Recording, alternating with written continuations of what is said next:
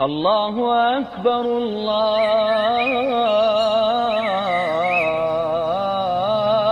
أكبر لا إله إلا الله sallallahu alaihi wa sallam. Mi smo, braću, govorili naša protekla dva druženja o ta'asubu, takozvanom ili pristrasnosti po pitanju slijedženja određenih šarijatskih pitanja ili mesela kako je etikadu, kako u fiqhu i ostalim granama islamske znanosti. Ove dvije su spomenute najizrazitije. I govorili smo kako ta pristrasnost biva onaj e, uzrokom neprijateljstva među muslimanima.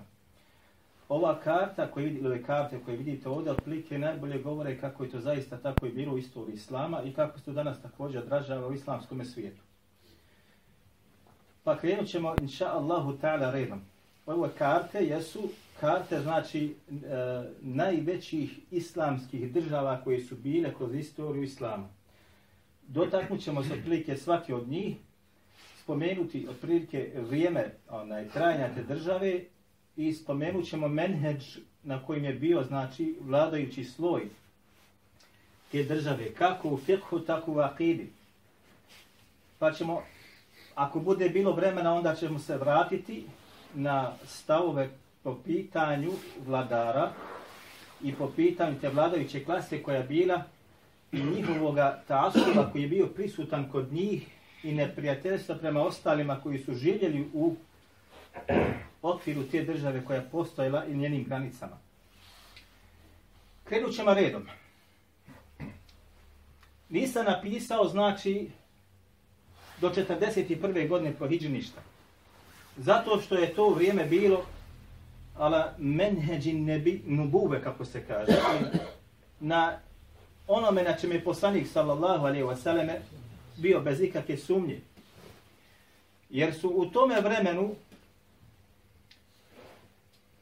nakon smrti poslanika sallallahu alaihi wa sallam, islamska vlast je još uvijek bila u rukama četvorice takozvanih ispravnih halifa.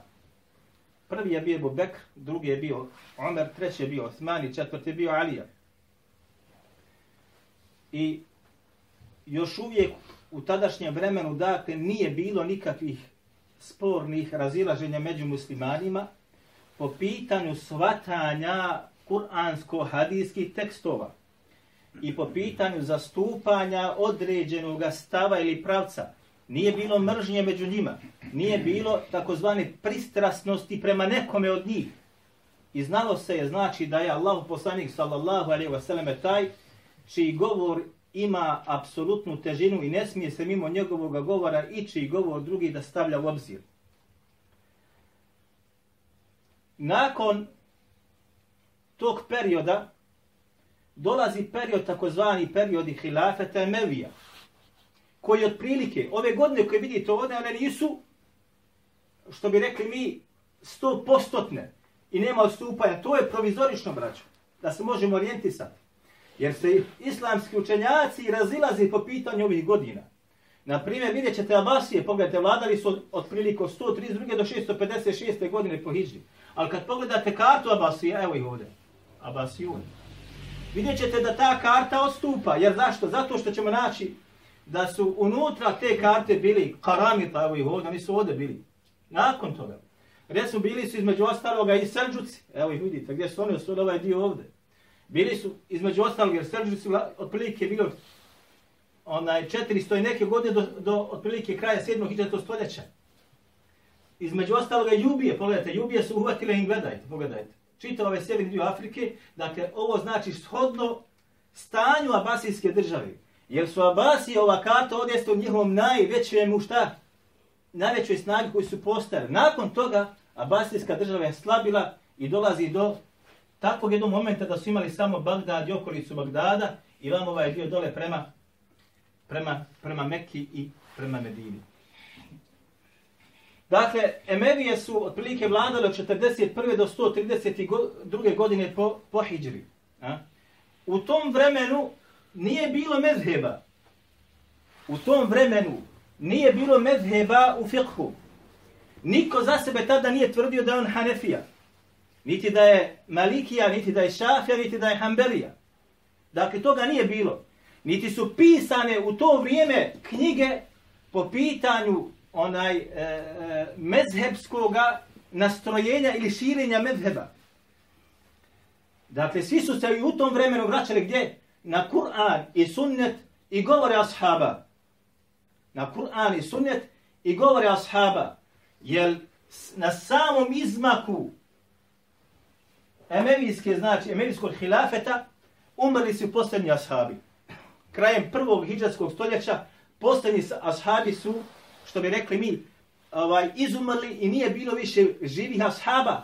Međutim, prenosile su se šta govori njihovi ili rivajeti sa lancima prenosilaca. U tome vremenu, od 41. do 132. godine, razvile su se takozvane hadijske discipline po pitanju pisanja hadita. Po pitanju pisanja hadita i otprilike prvi pioniri u tome su bili Imam Malik, veći, da se razumijemo, koji je u tom vremenu sačinio mu vetu, iako on kasnije onaj došao, znači, od ovog vremena. I on je, znači, umro je nakon pada Emevijske države. Ali u tom vremenu, otprilike, je to proizišlo ili nakon pada Emevija početkom Abasija pojavila se njegova muveta. Dakle, u tom vremenu svi su bili otprilike na čemu, na Kur'anu, sunnetu, govoru o pratilo se, znači, ono što je ostalo od, od tih tragova. I nije se govorilo o mezhebskoj nekoj opredijeljenosti i halife koje su bile nisu bili nikako mezhebski opredjeljeni jer mezheba nije bilo. Mezheba nije bilo. Pogotovo u vremenu Omera ibn Abdulaziza, mi smo to govorili, on je vladao od 99. do 101. Koji je pokušao da se vrati kroz svoj hilafet na ono na čemu je bio njegov rođak Omer radijallahu anhu. Pokušaj da oživi hilafet onako kako je bio u vremenu Omera radijallahu anhu. I za dvije godine gotovo da je u tome i, i uspio. I pogotovo je tada se razvila takozvana hadijska znanost, tada se mnogo govorilo i slijedilo se ono što je preneseno od Allahu poslanika sallallahu alaihi wa sallama i ono što je još ostalo onaj od ashaba koji je bilo još uvijek friško. Nakon pada Emevija, bitke koja se dogodila između Abasija i Emevija, vlast prelazi u ruke Abasija od 132 do 656. Ovo nije okvirno. 656. znači to je samo ostala provincija mala. Male provincije. Od ovog čitavog hilafeta koji je bio u njihovo vrijeme najjači. Jer su, vidite, evo, kad pogledate u vremenu Emevija, karta Emevija bila je ovakva. U vremenu, ovo je približno. Karta Abasija, Abasijun, se je prošila još gdje na evropske dijelove, ovdje pogledajte dio Italije, južni koji je bio osvojen u vremenu Abasija. Ha? Dakle, oni su bili šta i proširili su granice ovaj prema vamo, prema turskom dijelu. Osvojili su ovaj ostrvo koji je između Grčke i Italije i tako dalje.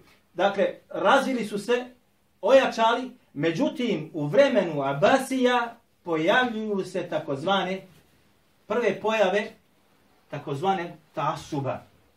Takozvanog tasuba ili pristrasnosti. Jer u ovom periodu osnovana su sve četiri medheba u fiqhu. U ovom periodu osnovano su sve četiri medheba u fiqhu. Hanefijski, malikijski, šafijski, hanbelijski.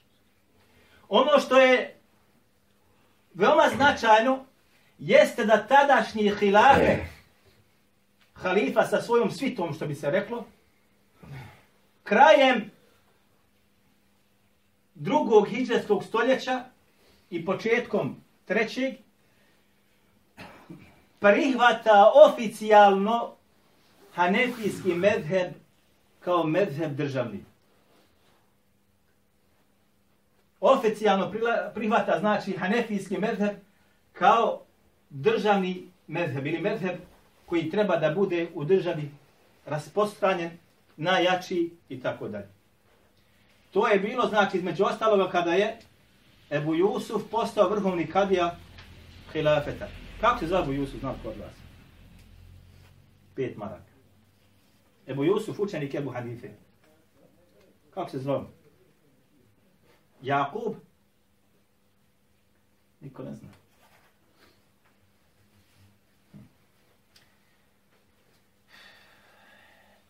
Jakub ibn Ismail, Ebu Jusuf, Kadija, i bio je vrhovni Kadija u hilafetu, a nakon njega, ili u vremenu njegovom, postavio je također, ili postavio njegov sin da bude Kadija Bagdada. On je bio vrhovni Kadija, odnosno sve se vraćalo na njega.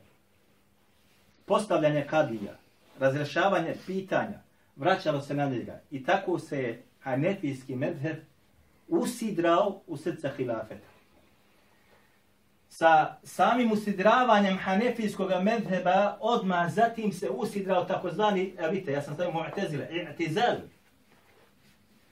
I prvi koji je prihvatio i'tizal da bude mu'tezil jeste halifa Me'mun.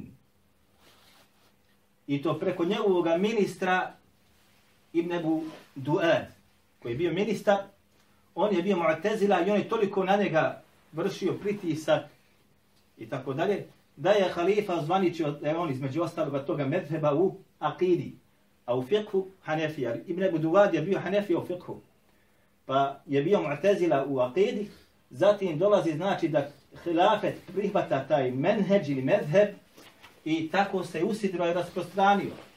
A tada u to vrijeme glavna ili glavno pitanje između ostaloga jeste bilo stvoreno s Kur'ana, viđenje Allaha Đelešanuhu na ahiretu, kabrski adab i tako, oni sve to su negirali, je tako?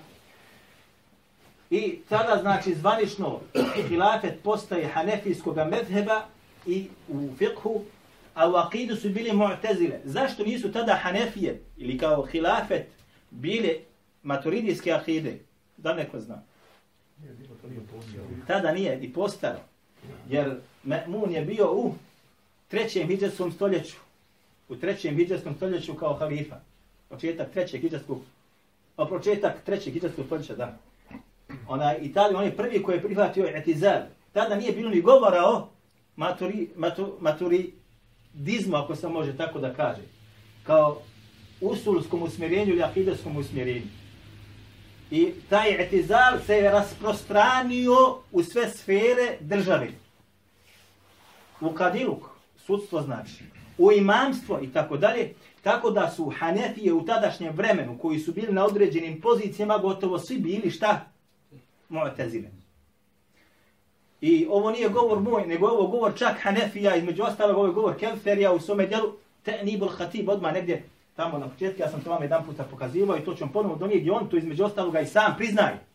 Da su tadašnje Hanefije koje su bile u Hanefijskom fiqhu, koji su naravno tada bili na dvoru hilafeta i postavljeni na najodgovornija mjesta, prihvatili etizal kao usmjerenju akidi i oni su bili taj ti koji su među ostaloga kažnjavali sve one koji su suprostavili toj akidatskoj ideologiji. Odnosno, kada je Me'mun prihvatio, znači, Etizel, on je napisao pismo u sve krajeve svijeta. Pogledajte, to je ovaj, ovaj svijet, evo sad.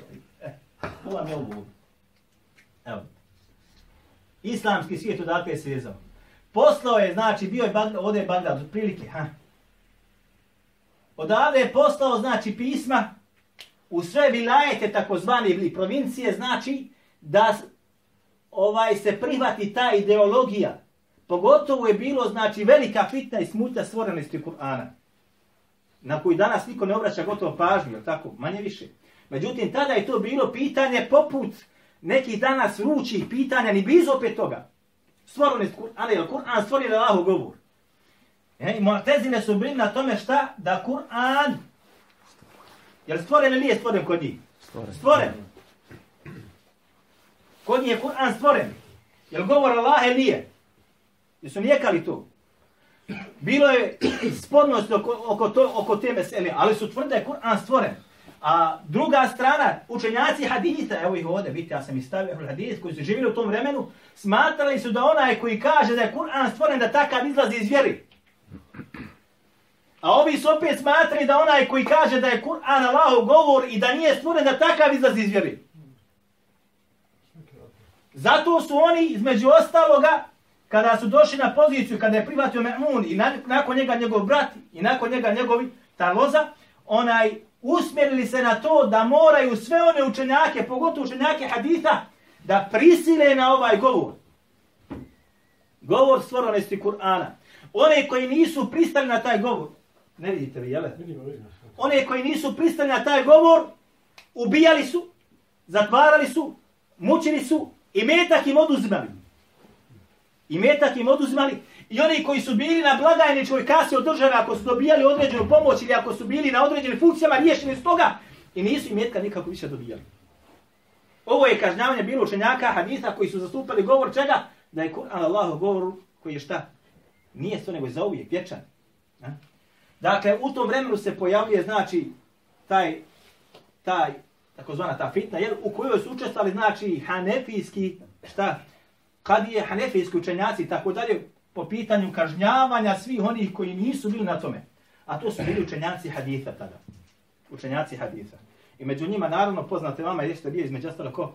Ima Mahmed koji je znači, između ostalo su prostavio se prilike ovaj, ovoj.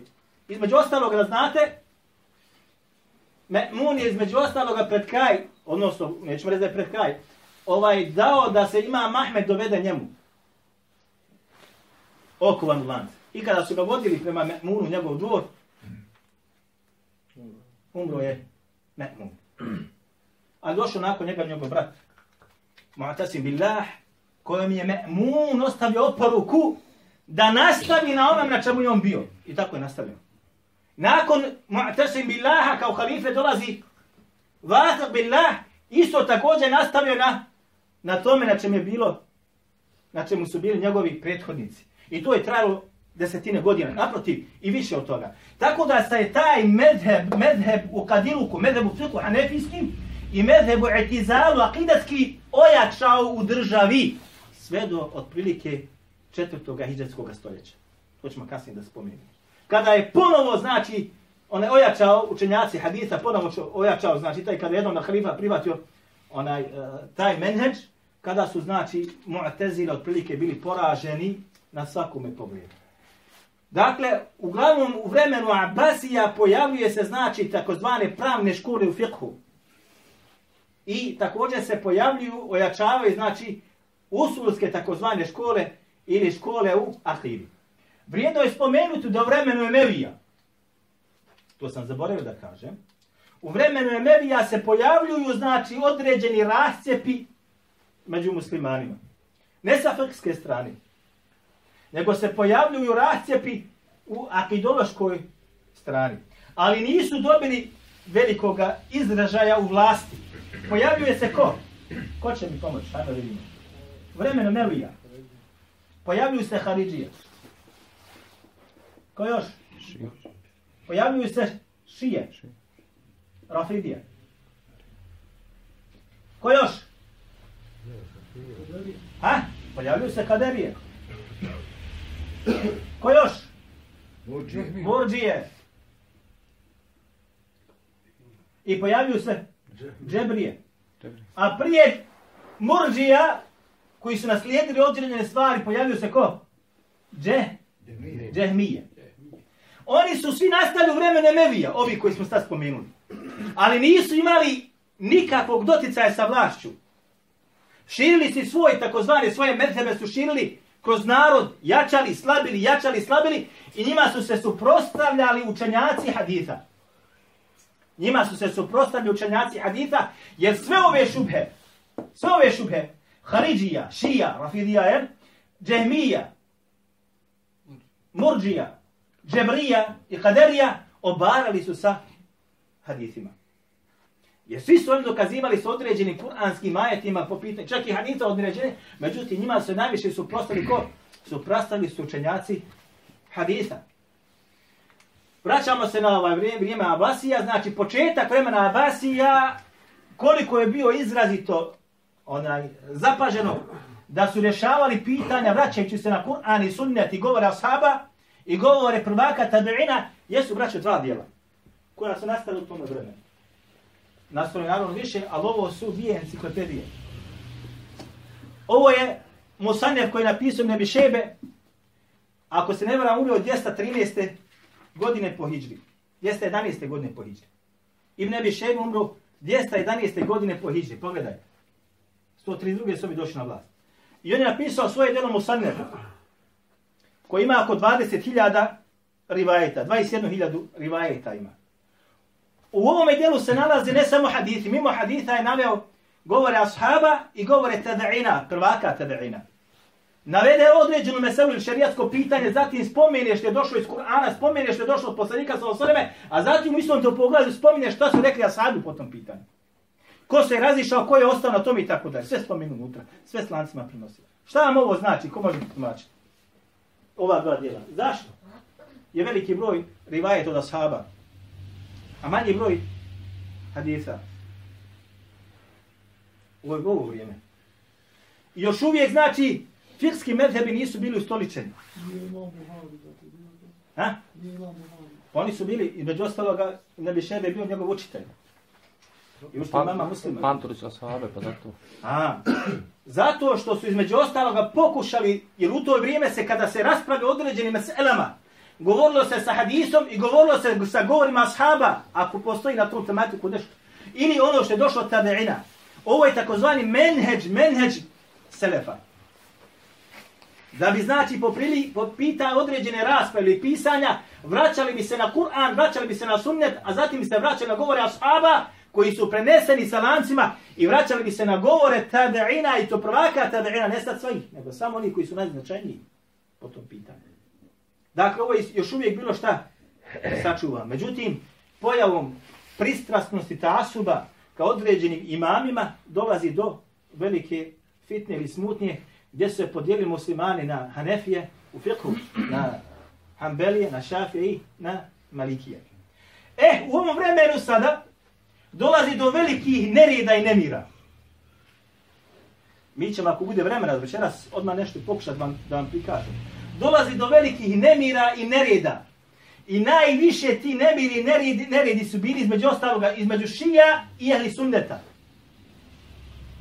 Zatim između mu'tezila i ahli sunneta.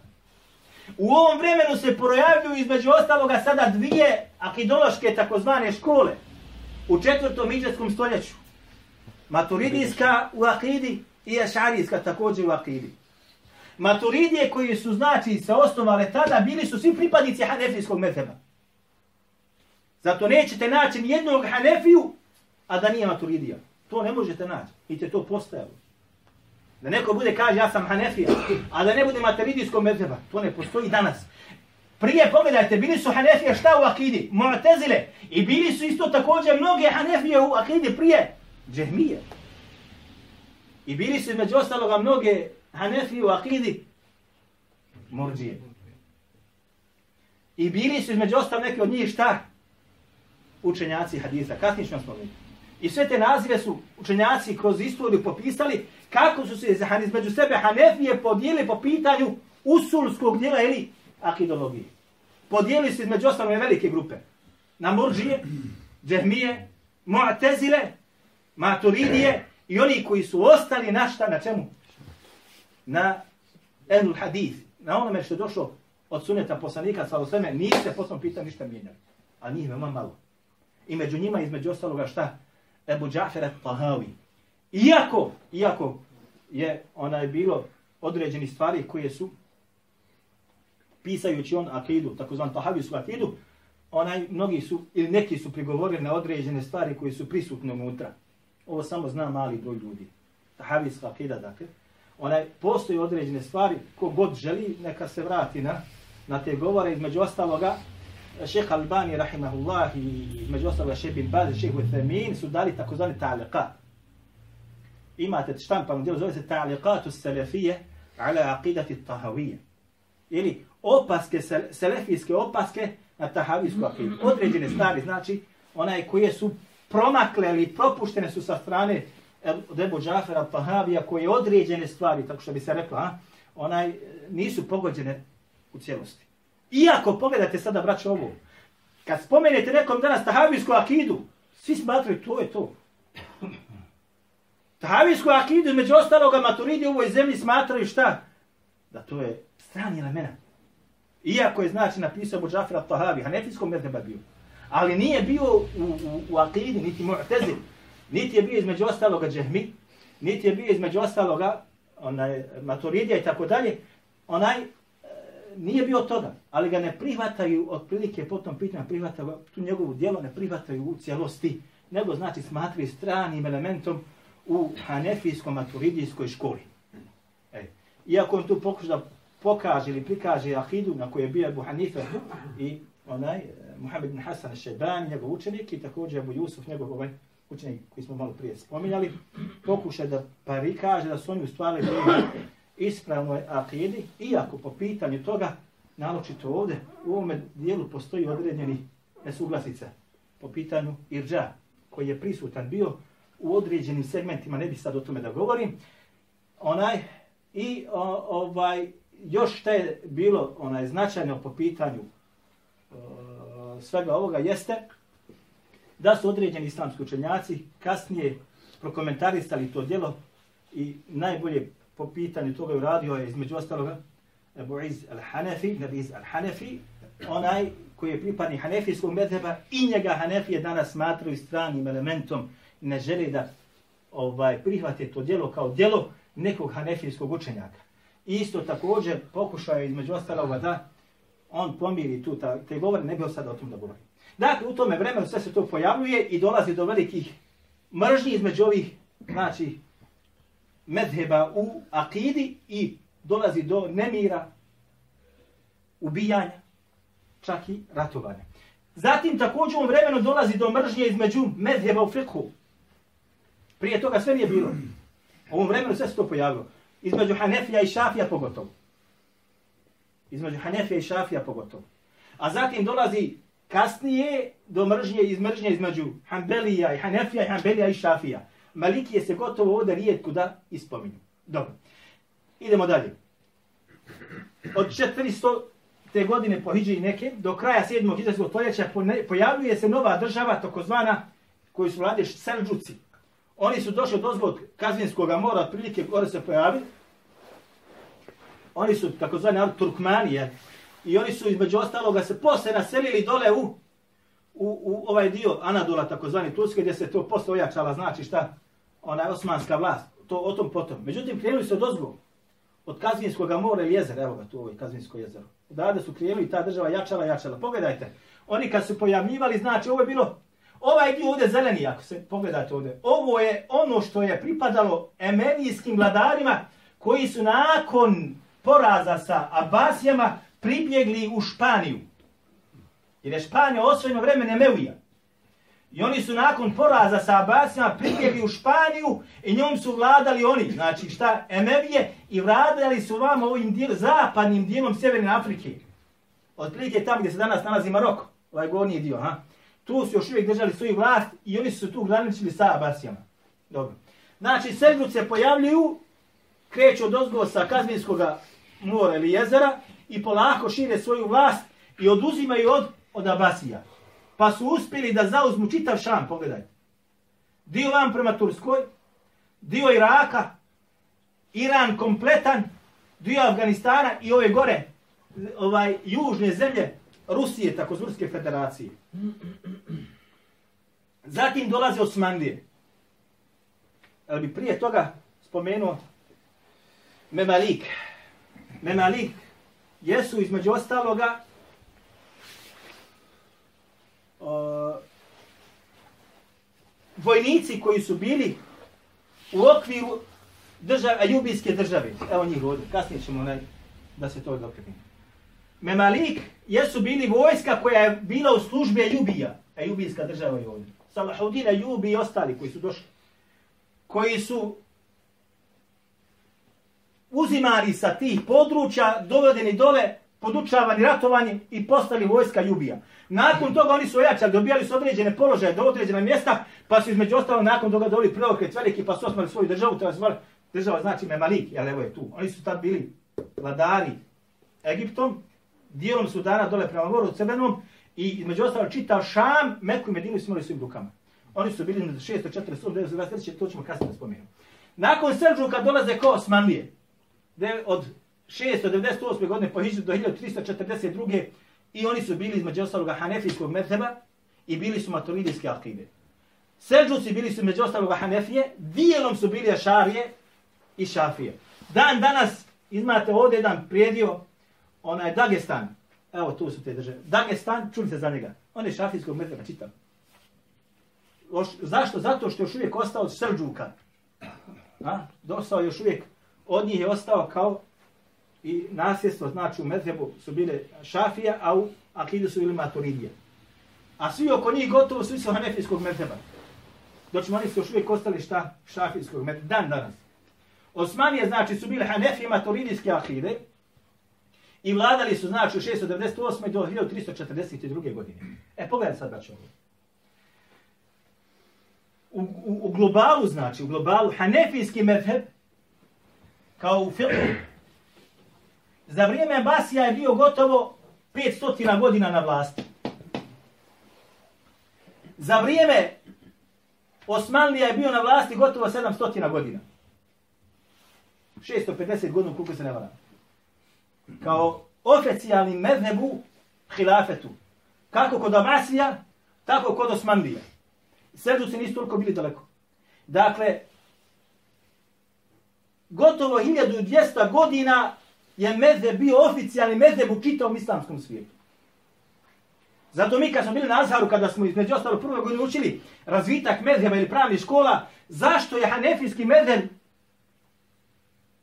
rasprostranio se između ostalo prvi razlog je bio ovaj. Jer je bio oficijalni mezheb vladajućeg sistema, odnosno hilafeta. Drugi je bio na sva odgovarajuća mjesta u tim državama su postavljani ko? Šafija, Hanbelije, Malikije, Jok. Na sva odgovarajuća mjesta po pitanju vjerskih poslova su postavljani ko? Hanefije. Od kadija, glavni kadija, od imama velikih mesđida, od otvaranja škola i tako dalje, davana je prednost kome? Hanefijama. Zato se taj mezheb između ostalog rasprostranio. Vidjet ćete kasnije, u vremenu od jednog od vladara koji je bio šafijskog medheba, sjetio se jedne taktike, pa je rekao kako da rasprostranim svoj medheb. Pa je rekao ovako, Hanefijima ću dat da vladaju po pitanju kadiluka. A šafija ću dat da budu od onih koji će znači školstvo da prijeđe u, njihov, u njihove ruke.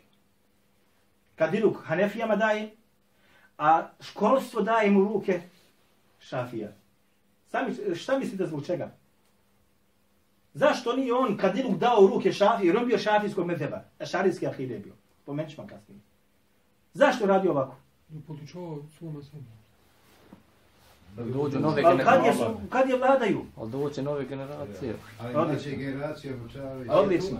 Sude ljudi. Bio je veoma prave, bio je pametan. Znao je, znači, ako budem ja postavio šafije da im poslije sad u vladajuću klasu da, su, da budu kadije, vrhovne kadije i tako dalje, a budem hanefijama dao da budu u školstvu, odgojit će, znači, opet hanefije. Za kratko vrijeme nadvladat će opet šafije. Jer kadija ne može da podučava. I ministri ostali, nego su oni tu postavili zbog čega samo, zbog određene funkcije samo. Dočim školstvo je bilo u rukama šafija. Pa su odgajali generacije i generacije šafijskom medhebu podučavali i ašarijskoj akidu. Pa su između ostaloga se pobudile hanefije i podigle bunu protiv ovoga vladara i htjele zamjenu da naprave, odnosno jer su vidjeli da gube. Bili su da gube. O to ćemo kasnije da govorimo. Dobro. Imamo jednu državu u ovom periodu spomenutom gor koja se pojavila od 569. do 648. godine zvala se je Devletul Jubije ili Ejubijska država. Salahudin Ejubi, čuli se za njega?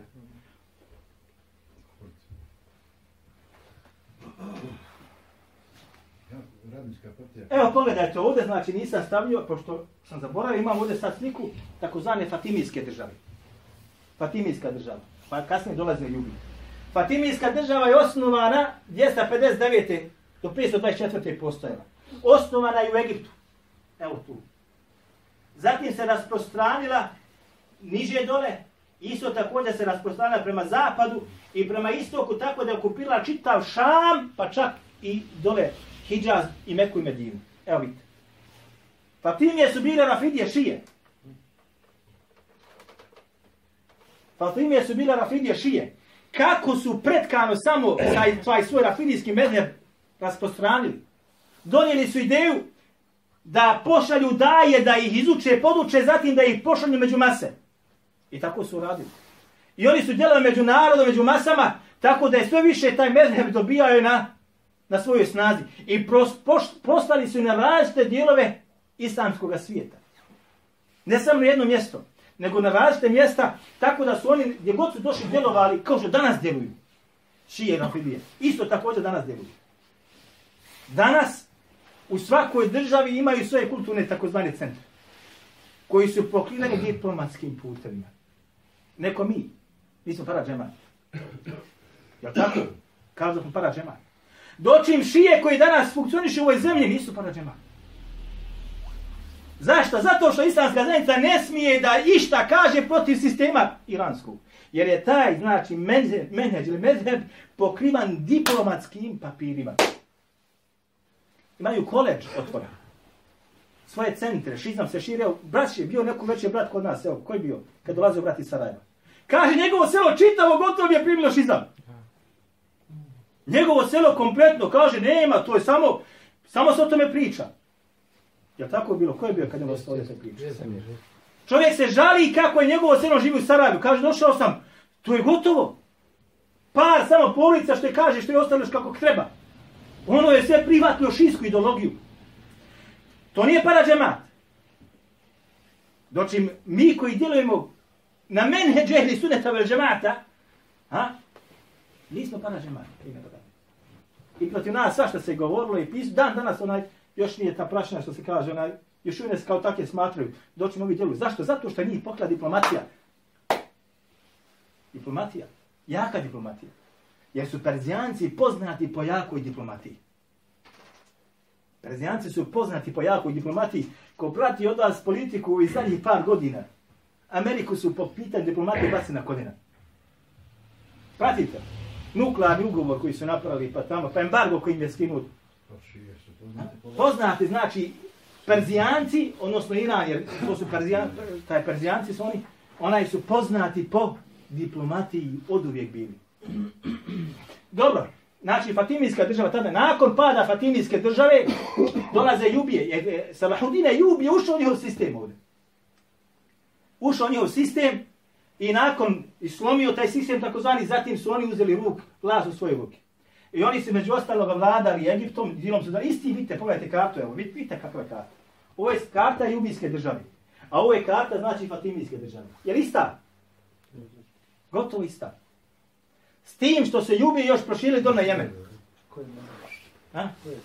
Samo. E, Jubije su bile šafijskog medheba ešarijske akide. I sve su dali na tome da ožive šarijsku akidu. Sve su dali na tome. Da ožive znači ešarijsku akidu.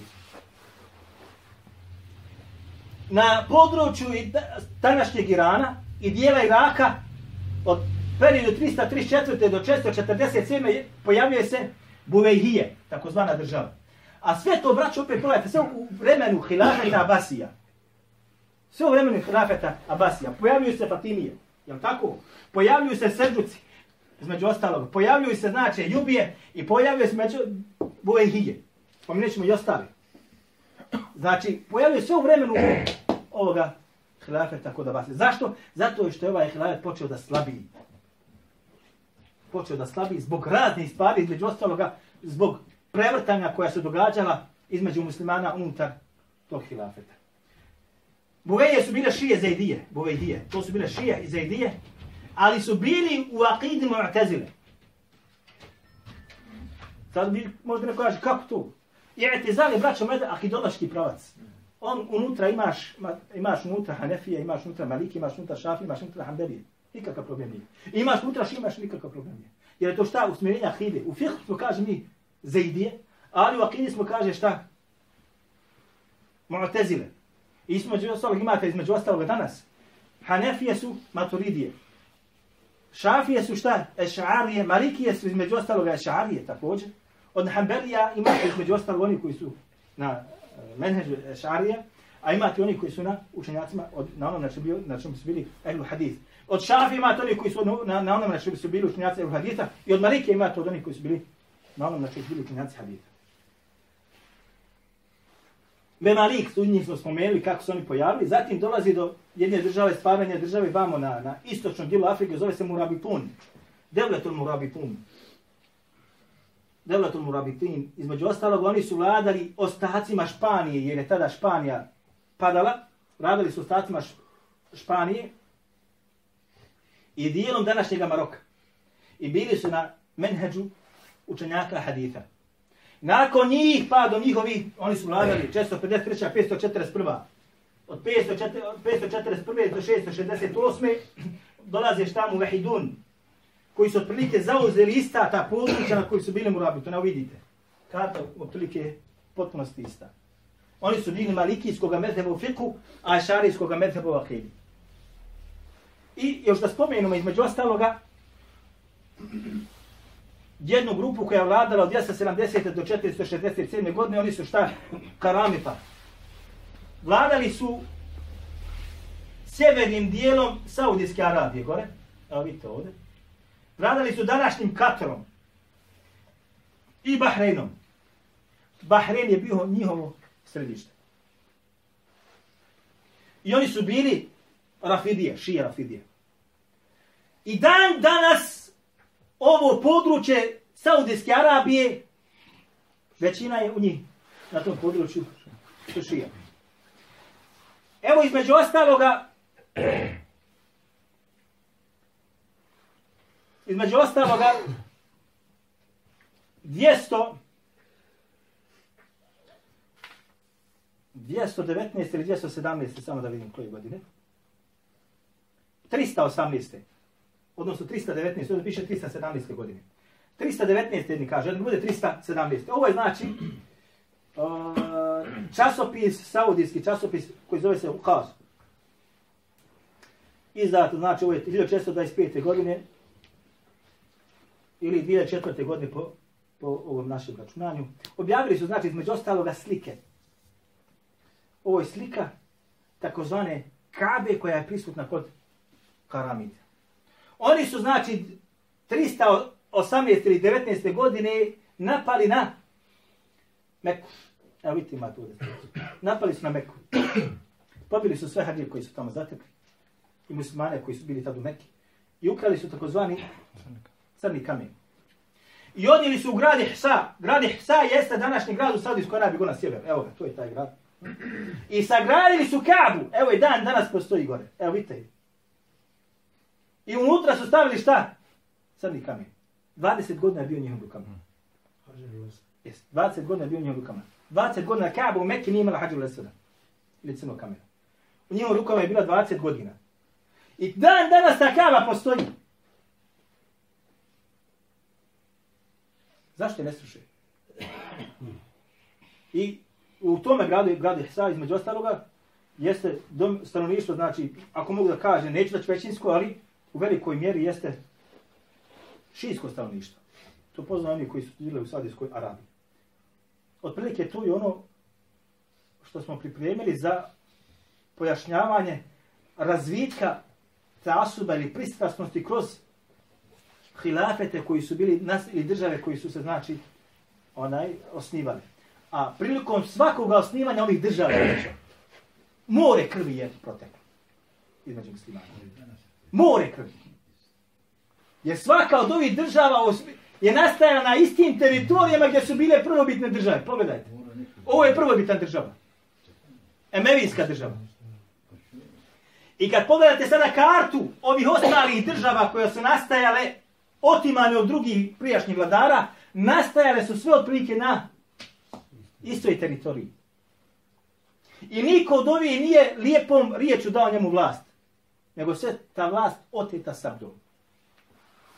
I more krvi je proliveno po pitanju toga. I vidite danas kakva situacija se isto također odvija. Odnosno, uvijek je tako i bilo. Uvijek je tako i bilo, samo manje više. I nije bilo informacija kao što danas onaj postoji. Toliko za večeras. Koliko je? 45. Dosta. Nastavit ćemo sljedeći puta sa, znači da imate ovu vidu, ovo ćemo ostaviti ovako, pa sljedeći puta dolazimo sa činjenicama, istorijskim podacima, šta su jedni drugima. Allahu akbar, Allah